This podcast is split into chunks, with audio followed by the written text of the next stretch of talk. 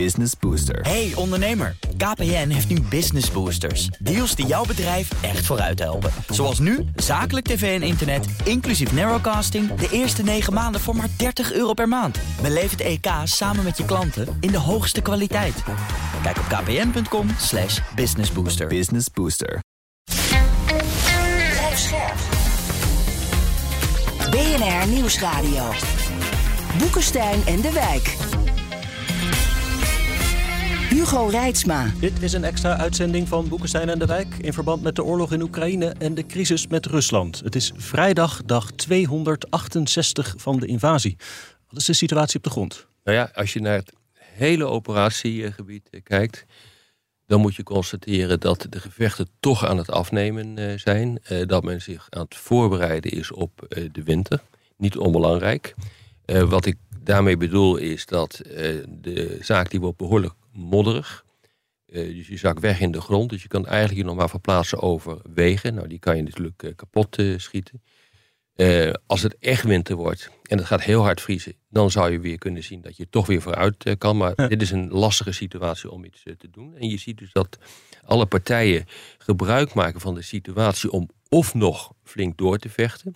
dat doen de, de Russen, die doen dat nabij Bakmoed. Nog steeds, ja. Nou goed, dat hoeven we niet meer inmiddels uit te leggen waar dat, uh, waar dat ligt.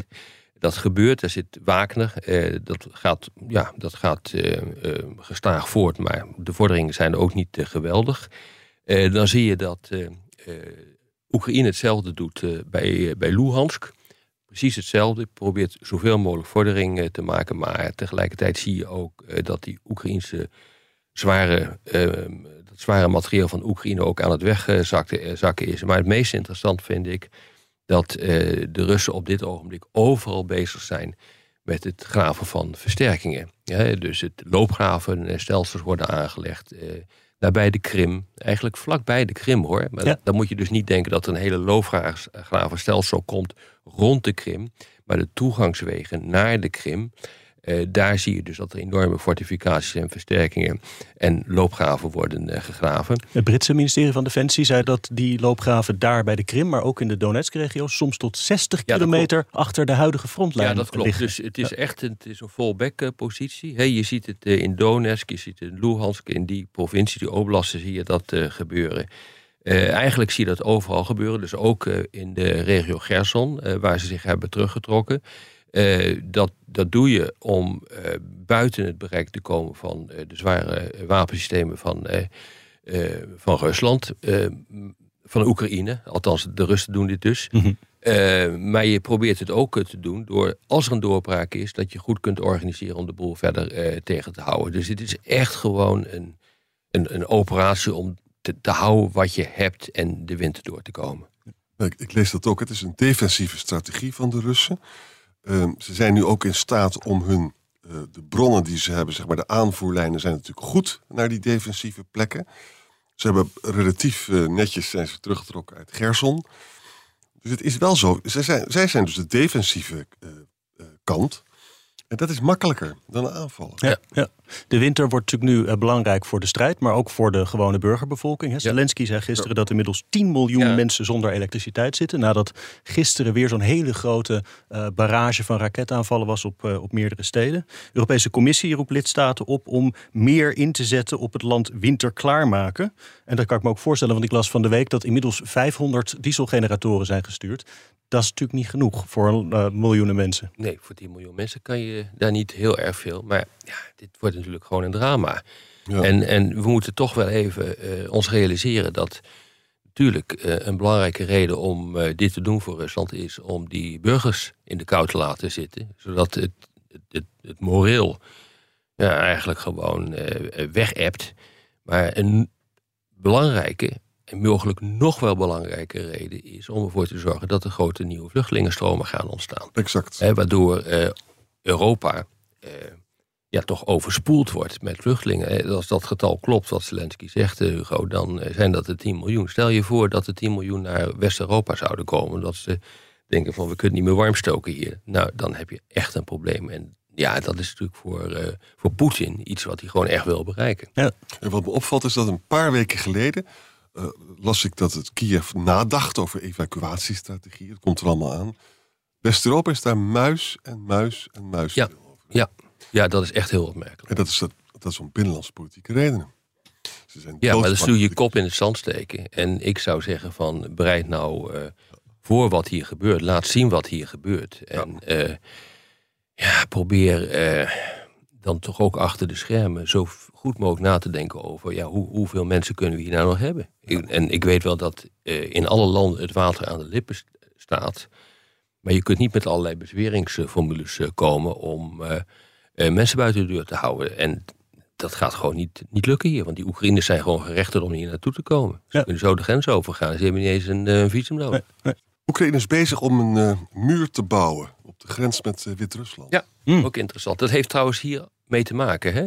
Het is ook een, een les die geleerd is eh, naar wat eh, Lukashenko heeft gedaan in de richting van Polen. Door allerlei eh, vluchtelingen dus, laten we zeggen, te importeren en vervolgens Ja. in Polen over de grens te gooien. Eh, het idee bestaat dat hij dat nu ook wil gaan doen in de richting van Oekraïne. Om de zaak verder te compliceren. Dus het interessante is dat hek, ah, Jan corrigeer me als ik fout zit, wordt ook eh, gebouwd in de, in, in, in de nabijheid van de Poolse grens. Ja, ja. Maar ook tussen die resten. Want ze zijn, asielzoekers worden gewoon ingezet als wapen. Hebben we wel een aantal keren gezien. En dat zijn ontzettend bang nu dat Wit-Rusland dat ook gaat doen. En dat regime is daar misdadig genoeg voor. En bovendien is het de vazalstaat van eh, Rusland eh, geworden. Ja, gezellig jongens.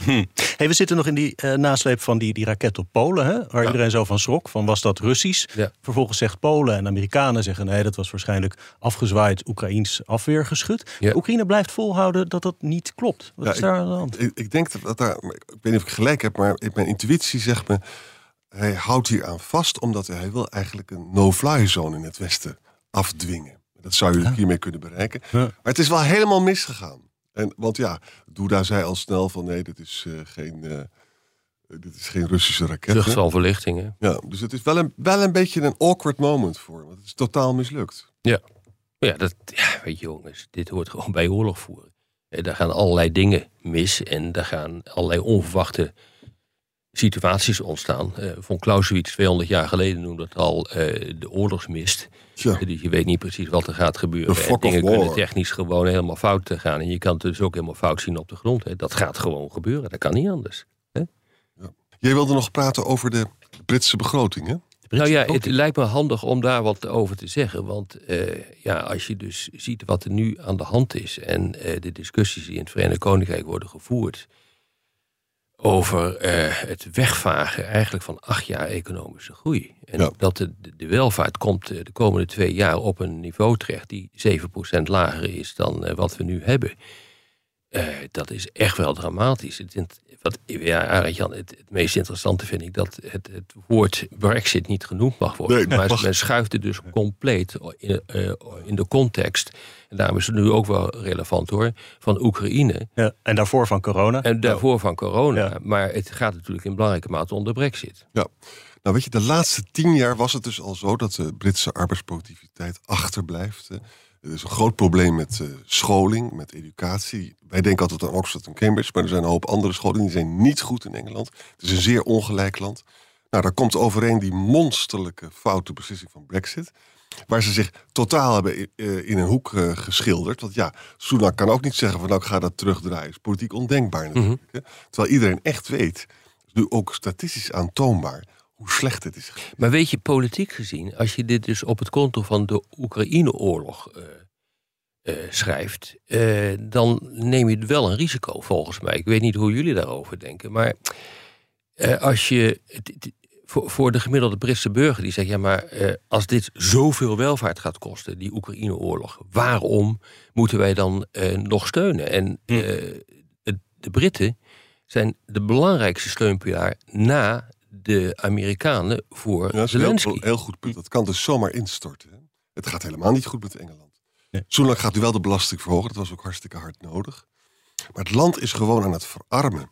Ja. En als gevolg, dat is ook het punt wat Remco de Boer steeds maakt. Als gevolg van die enorme hoge gasprijs is Europa aan het deindustrialiseren. Het allemaal, mensen denken, klappen koppen denken erover na en het is onrustbarend. Die gaan weg. Bedrijven gaan weg. Ja. De, de, de intensieve industrie gaat weg. Dat is een dat is een direct gevolg ook van de vergroening die we hier hebben. En dat is echt een heel belangrijk punt. Wordt nu ook heel hard gemoord in Brussel tegen die Inflation Reduction Act van Biden, hè, waar ook veel staatssteun in zit. En dan is men bang energie is hier al duurder. Ja. Dan ook nog Amerikaanse staatssteun erover. Nou ja, dat is iets. Uh, onze energie, we gaan industrie helemaal kapot. Uh, we gaan morgen praten over de hele discussie over klimaat. Maar dit is er wel eentje. Hè? Ja. Van leuk dat Europa zo verschrikkelijk ver vooruit loopt. Maar als dat betekent dat je zware industrie weggaat, dan hebben we wel een probleem. En we hebben het probleem van de volgende winter. Ja. Niemand weet hoe we het gaan doen.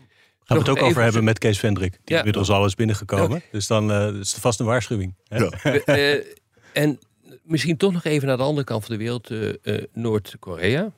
die in, in reactie op allerlei oefeningen die de plaats hebben gevonden tussen Zuid-Korea en de Amerikanen. En de voortdurende steun van Amerika aan Japan uh, en de discussies rond uh, Taiwan uh, is, vindt Kim het toch niet echt een probleem om de spanningen nog wat verder op te stoken. Ja, gezellig. er is dus nu weer een ICBM, dus een intercontinentale raket, gelanceerd. Die is nabij Japan terechtgekomen. Zijn. In het verleden zijn ze ook al over Japan geschoten, wat natuurlijk helemaal linkersoep is. maar dat zijn dus wapens waarmee je Amerika met een kernwapen kunt gebruiken. Japan zegt bij deze dat die raket het vasteland van de VS had kunnen bereiken. Ja, zeker. Ja, zeker. Dat weten we dus al een hele tijd dat die raketten er zijn. Maar de grote vraag is, waarom gebeurt dat nu? Nou kun je zeggen, hm. dat is een antwoord op eh, de hele, de, op alle oefeningen die worden gehouden in dat, uh, in dat gebied door de Amerikanen en de Noord-Korea. Maar dat is natuurlijk niet helemaal waar. Want er wordt geprobeerd om in de Veiligheidsraad ook tot, te komen tot nieuwe sancties. En raar, raar lukt dat of lukt dat niet? Nee, dat lukt natuurlijk hm. niet, omdat dat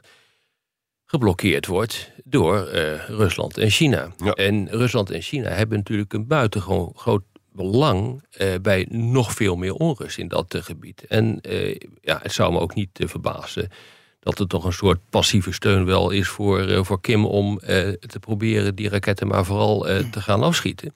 Want, daarom, want, want dat leidt ook Amerika af denken ze, van wat er in Oekraïne gebeurt. En, in de lange geschiedenis van Noord-Korea en Zuid-Korea, dat, is, dat bestudeerd, is zoiets merkwaardigs. Dat regime schiet die wapens ook af, omdat het uiteindelijk weet dat er dan weer onderhandeld wordt. En dan willen ze energie en ze willen voedsel. Ja. Beide hebben ze een schreeuw. Ja, maar dit is echt wel een probleem hoor. En uh, je probeert natuurlijk eh, de calculatie voor eh, Amerika sterk te compliceren. En dat doe je dus door ergens anders in de wereld gewoon eigenlijk gewoon shit te trappen. En dat is nou precies wat hier gebeurt. Ja. Hm. Nu we toch de hele wereld over aan het gaan zijn, misschien nog eventjes terug naar Nederland. Want daar hadden we natuurlijk gisteren het vonnis in de zaak MH17. Ja, zeker. Drie keer levenslang. Kunnen we toch niet, niet noemen. Ja, nee, dat, dat moet je zeker uh, noemen. En wat ik uh, het meest interessante daarvan vond, is uh, dat één van de vier verdachten niet veroordeeld is. Die is vrijgesproken. Ja. En dat is, dat is niet zonder belang. Want dat, dan kun je dus moeilijk volhouden, ook wat Rusland nu doet uh, dat de Nederlandse rechtspraak uh, totaal van de rails is gelopen, hm. totaal uh, voor ingenomen is. Want in dit systeem wordt dus wel gewoon iemand vrijgesproken. En dat zou denk ik in Rusland niet zijn gebeurd. Zeker. dus als daar een verdenking is, hoppakee, dan zouden die mensen al lang in de gevangenis zijn, zijn beland. Wat ik er ook wel wrang aan vind, ik vind het een geweldige uitspraak hoor, maar weet je nog hoe op Twitter al die, die conspiracy jongens bezig waren met de MAC? Weet je, weet je nog die Max van der Werf, of heette die geloof ik? dan bleek later dat de jongen ook voor de Russische geheime dienst Wat dacht je van Joost Niemuller met zijn boek de, de, Doofpot? Oh, over oh, de Doofpot. Oh, ja, jongens. En je zou dus hopen dat ze dan nu zo eerlijk zouden zeggen... nou, we zaten ernaast, nee, maar natuurlijk helemaal niks. Nee, want dat, eh, omdat het verlengstukken zijn van Russen tijdens de Koude Oorlog... noemden we wat nuttige idioten en fellow travelers. Ja. Die bewust, dan wel onbewust betaald, dan wel onbetaald voor Rusland allerlei propaganda. Of voor de Sovjet-Unie allerlei propaganda verspreiden. Dat doen ze dus nu nog steeds. Nee, ze zullen natuurlijk gewoon vasthouden bij het, eh, bij het verhaal wat ze hebben. En niet alleen dat, maar ze doen precies hetzelfde als wat Rusland nu doet. Zeggen van dat het hele systeem hier eh, totaal niet, uh, niet deugt en dat het allemaal voor ingenomen is. En de, ja, zo kom je er altijd uit. En het waren ook allemaal mensen die uh, wappies werden. Hè? Het is allemaal aan elkaar. ja. Ja, maar het wel goed dus nogmaals dat die Pulatov uh, dat hij vrijgesproken is. Daar, uh, uh, gek genoeg ben ik daar wel blij over, omdat dat politiek en diplomatiek significant is. Dat je dat doet in een dergelijk systeem. dus je hebt een ongelooflijk argument nu om te zeggen van jongens, hou eens op met dat gezeur. We kunnen ze als niet gebleken is dat iemand schuldig is, ook vrijspreken. Ja, enige kans dat het vonnis ooit nog ten uitvoer gelegd kan worden, misschien na de val van Poetin? Alles is mogelijk, maar als je kijkt hoe lang bijvoorbeeld eh, de Lockerbie-processen hebben geduurd. Nou, hoe lang duurde dat daar, Jan? 20 jaar, 30 jaar, zoiets.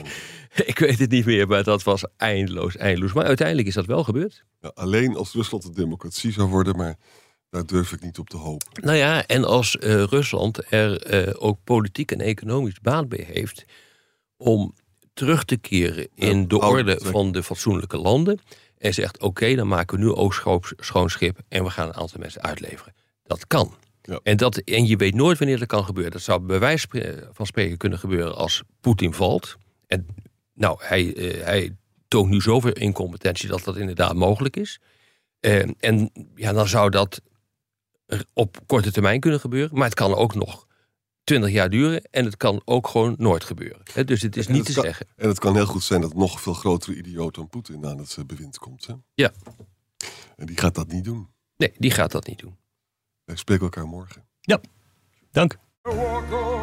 Hardlopen, dat is goed voor je. En Nationale Nederlanden helpt je daar graag bij. Bijvoorbeeld met onze digitale NN Running Coach... die antwoord geeft op al je hardloopvragen. Dus, kom ook in beweging. Onze support heb je. Kijk op nn.nl slash hardlopen.